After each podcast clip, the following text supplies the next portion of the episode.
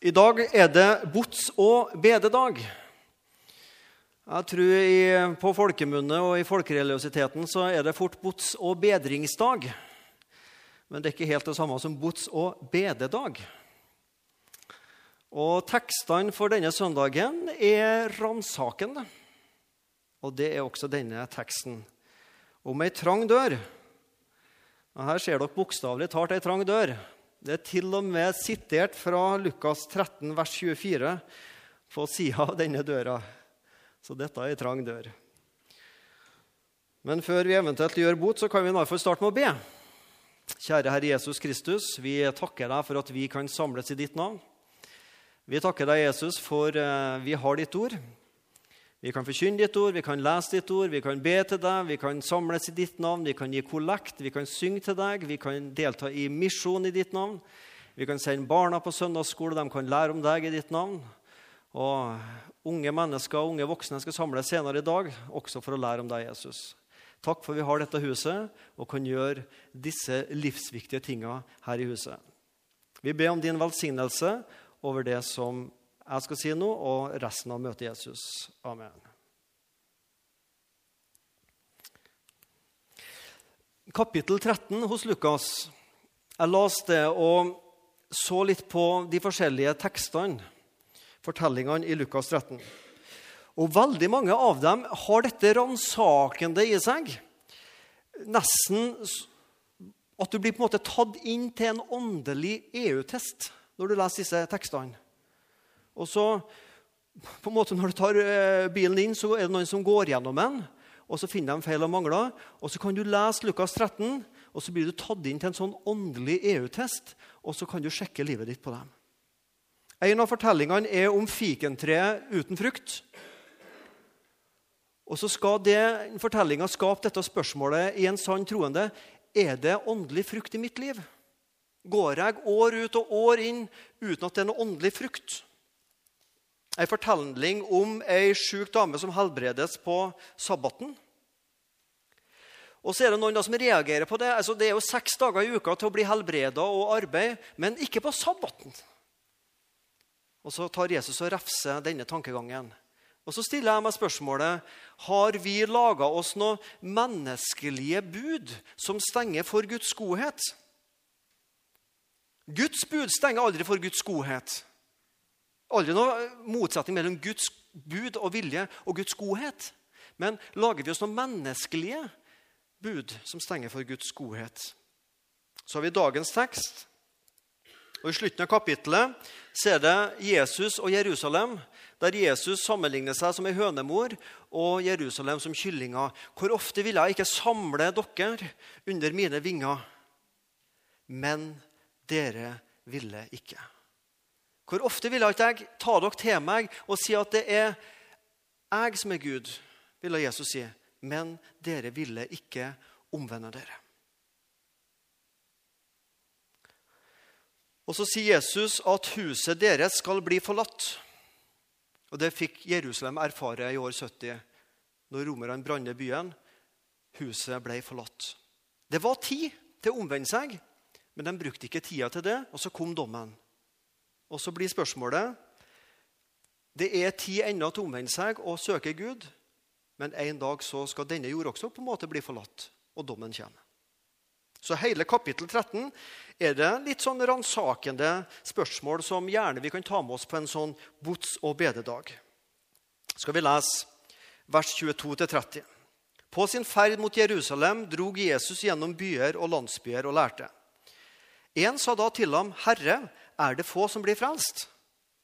Men han sa til dem, strid for å komme inn gjennom den trange dør. For mange, sier jeg dere, skal søke å komme inn og ikke være i stand til det. Når husbonden har reist seg og stengt døren, begynner dere å stå utenfor og banke på døren og si, Herre, lukk opp for oss.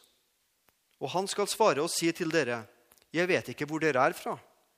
Da begynner dere å si, Vi åt og drakk for dine øyne, og du lærte på våre gater. Men han skal svare, 'Jeg sier dere, jeg vet ikke hvor dere er fra.' 'Gå bort fra meg, alle dere som gjorde urett.' 'Dere skal gråte og skjære tenner.' når dere får se Abraham og Isak og Jakob og alle profetene i Guds rike, mens dere selv er kastet utenfor. Og De skal komme fra øst og vest og nord og sør og sitte til bords i Guds rike. Og se, noen av de siste skal bli de første, og noen av de første skal bli de siste.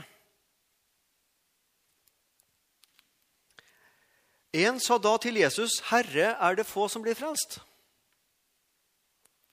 Jeg syns det der er et veldig rart spørsmål. Hvis jeg hadde vært der, så ville jeg ha spurt Jesus Jesus, er det mange som blir frelst. Jesus er vel mange som blir frelst? Og Så spør han dette rare spørsmålet er det få som blir frelst. Det står ikke i teksten hvorfor han stilte spørsmålet akkurat på den måten, men jeg har prøvd å tenke litt på det.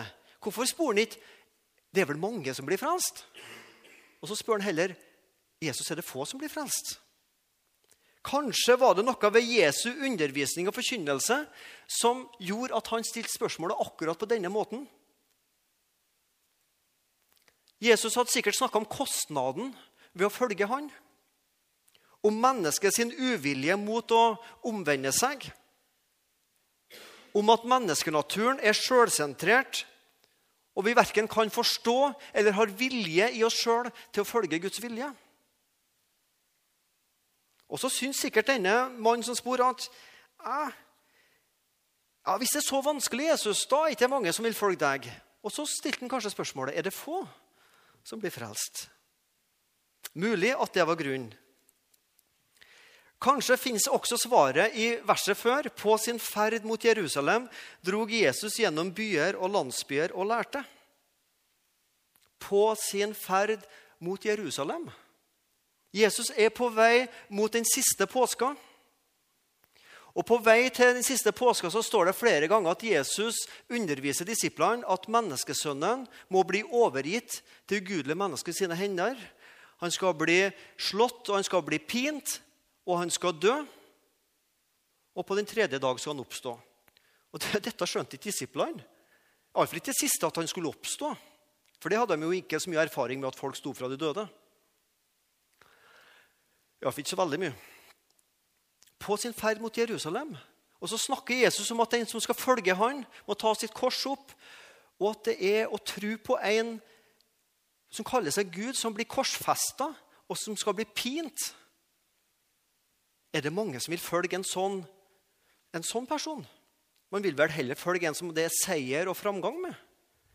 Vil man følge en som skal bli piska og slått og pint og dø? På sin vei mot Jerusalem? resten av denne fortellinga gir Jesus svaret på dette spørsmålet om det er få eller mange som blir frelst. Men jeg tenker hvis det, Velsigna være du mann eller kvinne som spor det spørsmålet der. For hvis den personen ikke har stilt det spørsmålet, så har vi ikke fått svaret etterpå. Så flott at det er noen som spør. Så bra at det var en som spor og torde å spørre Jesus. For når vi tør å stille en del spørsmål i livet, så viser det at vi undrer oss og vi ønsker å vite noe om Guds vilje og vei. Still en del spørsmål, og så leter vi i Bibelen og finner svar. Men så er det ikke alltid vi finner svar. Og så er det av og til sant, og kanskje ofte sant, som det står i en sang, når vi ikke får svar, til en gang hvert hvorfor får svar. Så må vi leve med en del ubesvarte spørsmål her i livet.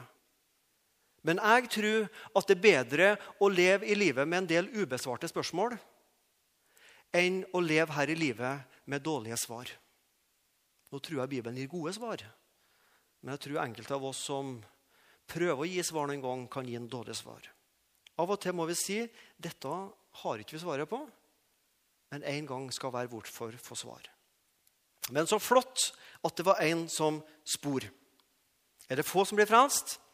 Ja, det skal vi se på nå. Strid for å komme inn gjennom den trange dør, svarer Jesus. Mange, sier dere, skal søke å komme inn og ikke være i stand til det. Ei trang dør. Og I Matteus så står det også om dette her. Gå inn gjennom den trange port, for vid er den port, og bred er den vei som fører til fortapelsen. Og mange er de som går inn gjennom den. For trang er den port, og smal er den vei som fører til livet, og få er de som finner den.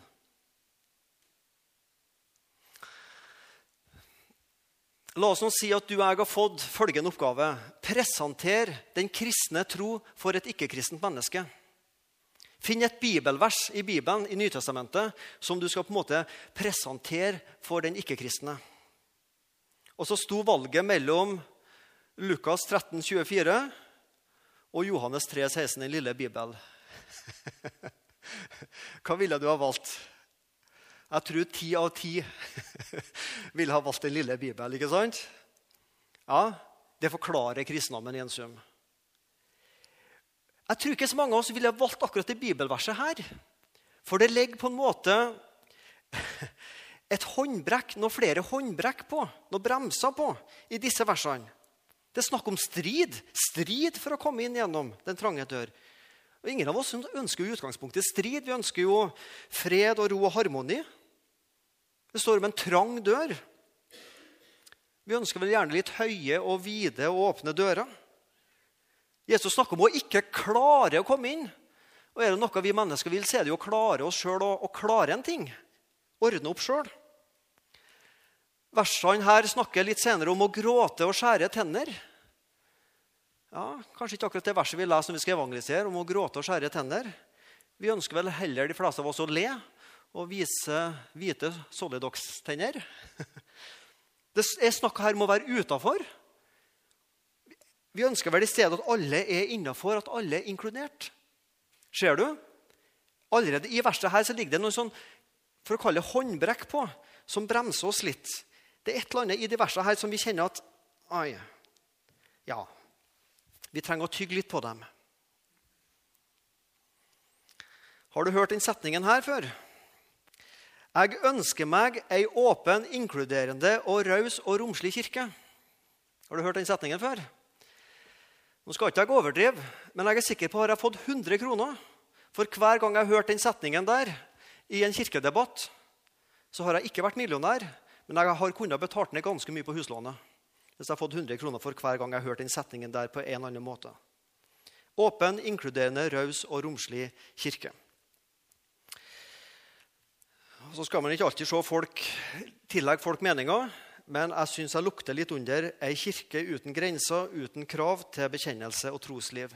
Og Så kommer spørsmålet hvor romslig er egentlig Gud? Når du smaker på den teksten her om ei trang dør og strid, om å ikke komme inn, hvor romslig og raus er egentlig Gud? Dagens tekst forteller meg ikke at vi har med en smal, snever, trang og eksklusiv Gud først og fremst å gjøre. Men den forteller meg det fins én vei, det fins ei dør. Vi må leite, og vi må være villige til å omvende oss. Ja, Gud er romslig. Det fins ennå ei åpen dør for deg og meg. Gud, Jesus, gikk bort og sa, 'Jeg går bort for å gjøre i stand et rom for dere.' Gud har et rom. Han har et rom for deg og meg. Gud er romslig. Jesus og Gud har ennå plass for syndere hos seg. Det er en romslig Gud som tar imot syndere som til og med har spotta han. Jo, Gud er romslig, men kanskje på en litt annen måte enn enkelte politikere av og til tenker med det. Ei trang dør. Ikke komme inn. Smal vei ikke være i stand til det. Få er de som finner den. Hm.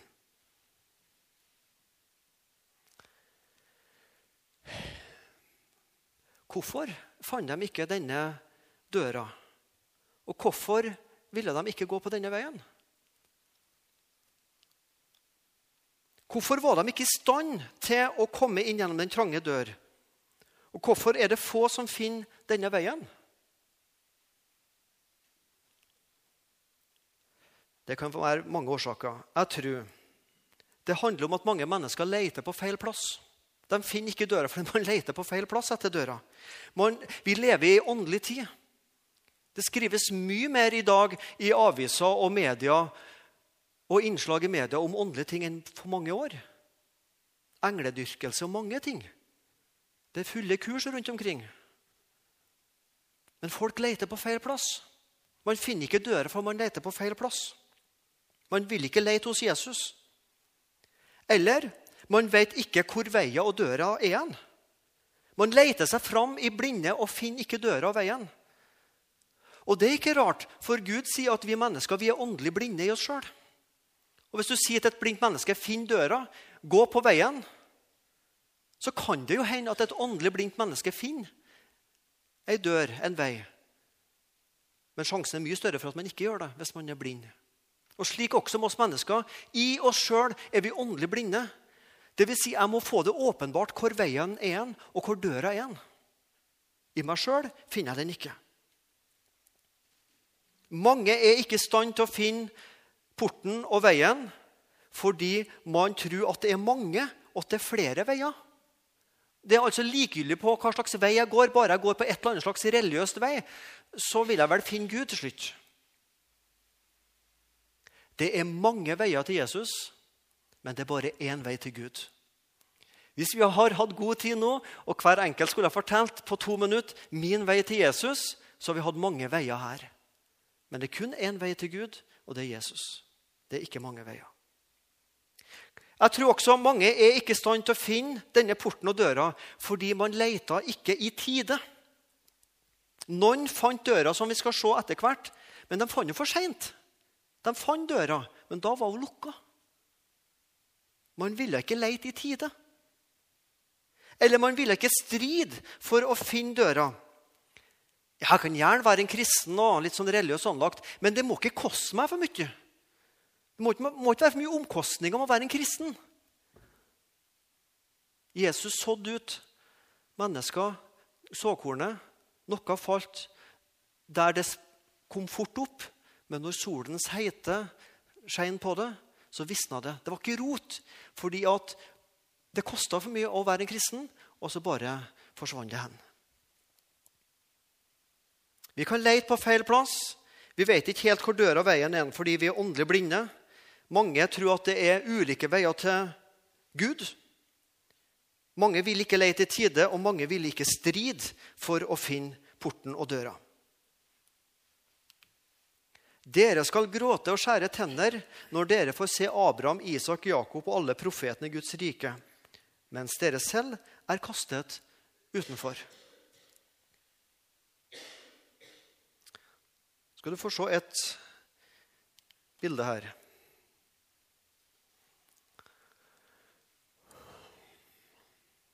Jeg syns det er et fantastisk flott bilde. Det er noe sårt i bildet, men selve bildet formidler noe fantastisk flott. Eller forstå meg rett, det, det formidler en sannhet som ikke er så god. Det er det moderne mennesket, og så er det en mur, og så er Jesus på andre sida.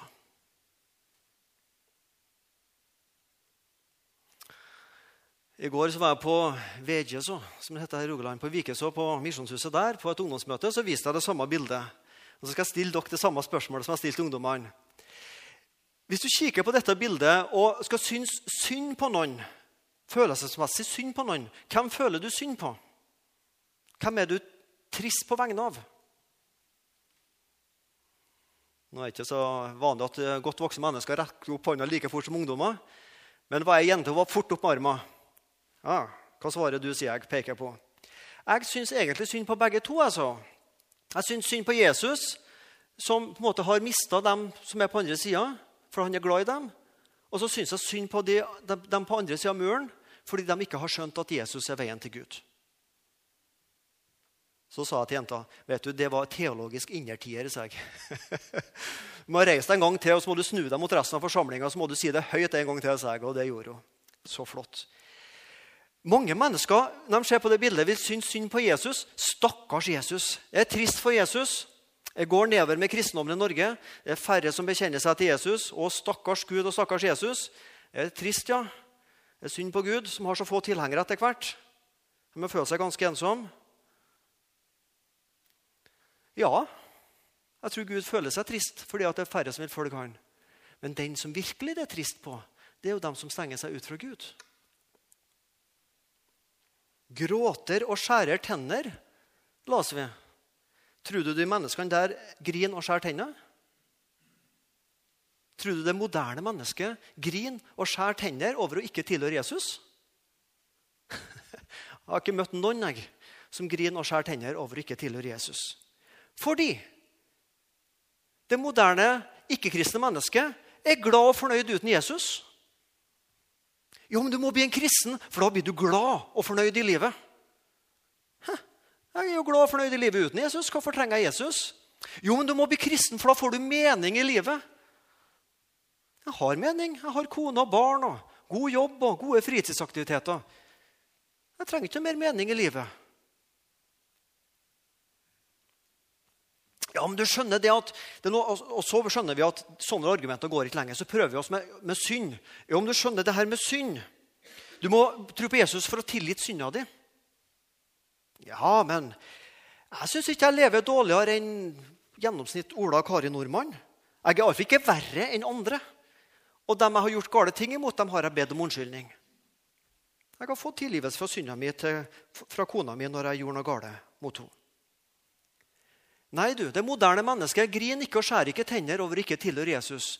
For det Jesus snakker om, det er ikke her i tida, men det er når endelig dommen kommer. Da skal man gråte og skjære tenner fordi man skjønte jeg tok feil. Tre kapitler senere, i Lukas i kapittel 16, så leser vi om Lasarus og den rike mann. Grein den rike mann og og skar han tenner her i tida? Nei, det var et fint, hvitt Solidox-smil på han. Altså. Han hadde det så greit. Og Så kom døden, både for Lasarus og den rike mann. Og så våkna han opp på den andre sida. Og han er i pine, og han ser Lasarus hos Abraham. Og han skjønner ah, hvor dum jeg var. Jeg tok ikke imot Jesus her i tida. I evighetens lys så fins det noe som heter å gråte og skjære tenner og være kastet utenfor.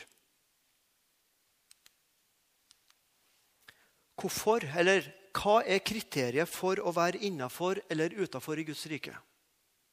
Hva er kriteriet for å være utafor eller innafor? Men han skal svare, 'Jeg sier dere, jeg vet ikke hvor dere er fra.' Gå bort fra meg, alle dere som gjorde urett.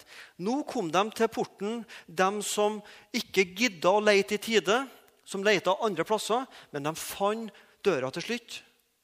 Men da var hun lukka. Og så sier Jesus, 'Jeg kjenner ikke dere.' Jeg vet ikke hvor dere er fra. Det betyr ikke at Jesus ikke visste at de bodde i den og den gata, men det betyr jeg, jeg kjenner ikke dere.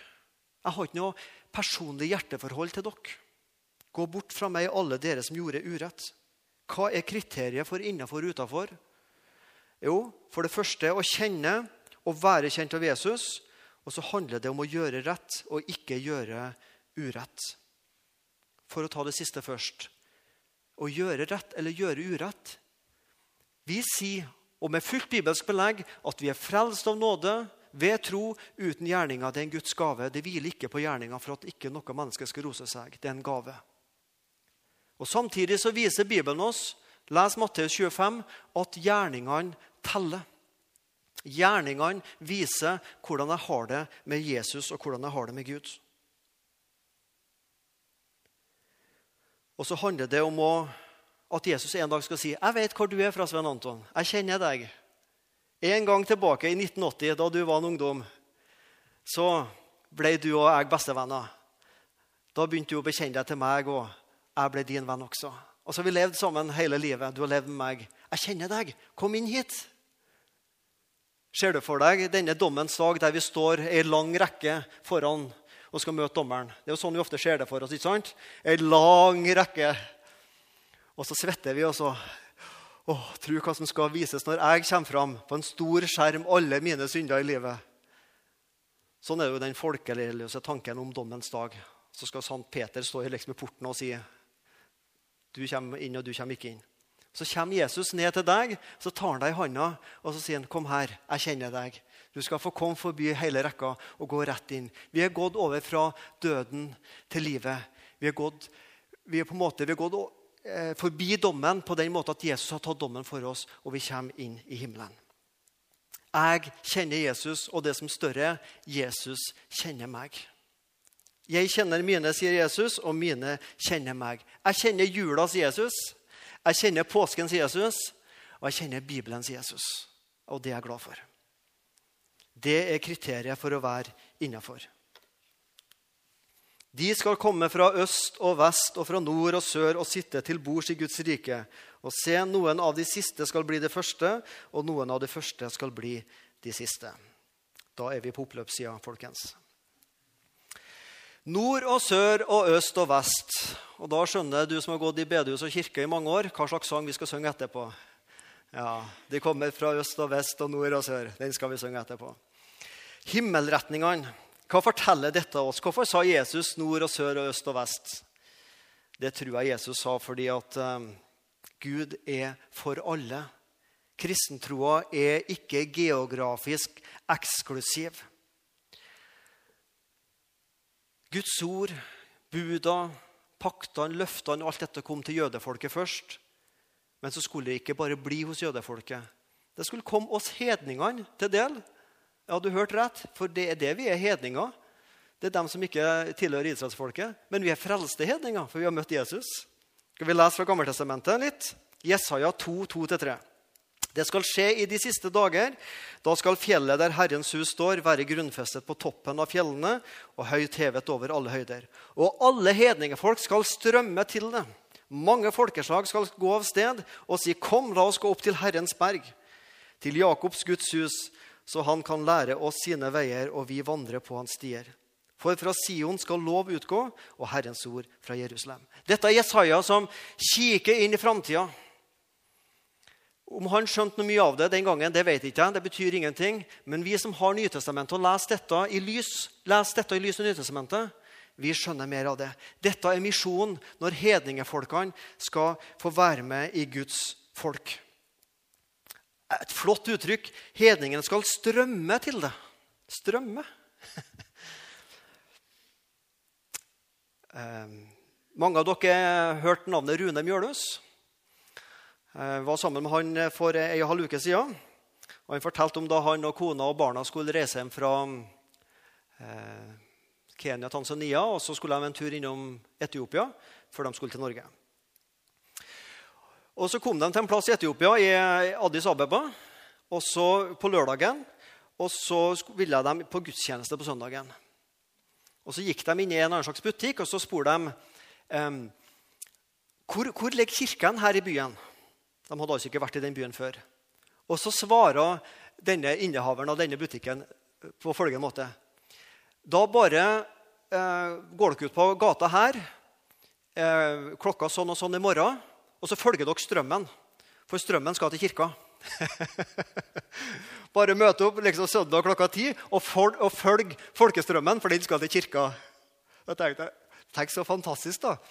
Jeg har ikke Internett og har ikke Stavanger Aftenblad. Eh, Misjonssalen. Ja, bare still opp i Langgata søndag klokka halv elleve og følg folkestrømmen, så kommer du enten til Sandnes kirke eller Misjonssalen eller en annen gudshus. ikke sant? Det har vært flott. Sånn opplevde de det der. Og Så sa han at så satt vi der på gudstjenesta. Uh, og vi, vi skjønte Jesu, Jesu, det skjønte de. Og amen og halleluja. Men så var det liksom stopp. Mye mer enn det skjønte de ikke. men det skjønte de.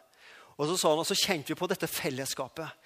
Vi skjønner ikke hva de snakker om, men vi skjønner det handler om Jesus. Og så er vi en del av dette fellesskapet i Mekane Jesus-kirken. Den åndelige enheten. Folkene skal strømme til Guds hus til Sion i de siste dager. Den store hvite flokk, den store hvite flokk, det er hvite kapper, men med ulik ansiktsfarge. Ikke sant? Kristendommen er ikke hvit lenger som den var i mange hundre år. De aller fleste kristne i dag lever på den sørlige halvkule. Ja, jeg leste at faktisk To tredjedeler av verdens kristne i dag lever sør for ekvator. Det er vi som er uvanlige. Kristendom, ja, det er misjonærer. Ja, da sitter vi oppe på Norge og dingler med beina og sender misjonærer down there, down under. I dag går strømmen andre veien. For 60-70-80 år siden så var gjennomsnittskristen var en, en hvit amerikaner. En gjennomsnittskristen i dag er ei dame fra Nigeria. Slik har det snudd. Men takk og lov, vi kan ennå samles i Guds navn, og vi får enda være med i misjonen. Og Misjonen er større enn noen gang før, men i dag så går strømmen andre veien. Nord og sør og øst og vest. Noen av de siste skal bli de første, og noen av de første skal bli de siste. Et sånt bibelvers vi av og til bruker sånn litt utafor der det skal brukes. Hvis vi er med i en konkurranse og syns det går dårlig, så sitter vi gjerne her. Ja, ja, men noen av de siste skal bli det første. og så, sånn og sånn. Vel, hva betyr dette? Og først og sist Jeg får si som teologer ofte sier, det kan bety to ting. Det kan sikkert bety mer òg. Men først og fremst så snakka jo Jesus mot fariseerne og de skriftlærde. Dem som mente seg å være de første, de beste, øverst på Guds åndelige rangeringsliste. For det hadde de laga seg i hodet. Om de hadde skrevet det ned, det vet jeg ikke, men de hadde det helt sikkert i hodet. Jeg er bedre enn han og hun. Takk Gud at jeg ikke er som han og hun. Ikke sant? Åndelig rangeringsliste. Så sier Jesus Guds rike er et bakvendtland. De siste skal bli det første, og det første de siste. Hvor putter jeg meg sjøl? Hvor putter du deg sjøl? Sammenligner vi oss? Jesus tar deg imot det så tror jeg også det kan bety Vi er alle kristne i et løp. Vi er på vei mot himmelen. Og det viktigste er ikke om jeg kommer først inn, eller om jeg kommer sist inn, men at jeg kommer inn. Men jeg må bare passe på at jeg kommer inn før døra blir lukka. Og du står i fare for å komme utafor jo lenger du venter med å komme innafor. Men det siste skal også få være med. Men det, en dag så blir også døra lukka. Og noen vil være også først til ei stengt dør. Tenk så tragisk.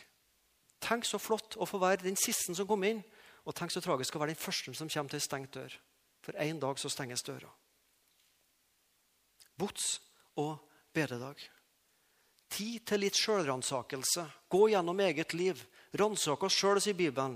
Prøv om vi er på troens vei. Prøv om vi er på Guds vei, eller om vi er på den brede vei. Jeg syns det er flott at vi iallfall en gang i året, og sikkert oftere burde gjort det, setter av en søndag og sier dette er fokus i dag. Ransak oss sjøl. Hvordan er det med vårt trosliv? Og Så får vi ransake oss, så får vi ta et oppgjør med det som ikke er så bra. Og så får vi be om tilgivelse. Og så er det den største åndelige sannheten som er tilgitt synd er aldri noe problem for Gud. Er det tilgitt, så er det ferdig.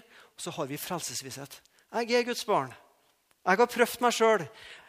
Jeg vet at jeg er ingen fullkommen person, men jeg vet at jeg tilhører Jesus. Jeg kjenner Jesus. Jeg bekjenner meg til Jesus, og jeg vet han kjenner meg. Og jeg vet at hvis han har kommet igjen i dag, eller hvis jeg dør i dag, så går jeg til han og kjenner han. Kjære Jesus Kristus. Du kjenner hjertet vårt. Du vet hva som bor i meg og oss alle som sitter her. Du vet om vi er på vei feil vei eller rett vei. Du vet om vi bedrar oss sjøl, eller om vi virkelig lever i en sann og rett gudstro. Så ber jeg Jesus at jeg skal ha, at jeg skal ha en sterk og god frelsesvisshet. Og det ber jeg for alle. At vi skal si 'Yes, jeg vet jeg er Guds barn'. Jeg vet jeg tilhører Jesus. Jeg er glad for det. Jeg takker deg, Jesus. Jeg ber at det skal leve levende i mitt hjerte. Og så ber jeg også at det skal være noe i mitt hjerte som sier sjølransakelse og gå en ny runde med seg sjøl. Bekjenn synd og ta et oppgjør med deg. Hjelp oss, Jesus, til å holde begge disse åndelige sannhetene levende i vårt liv. Amen.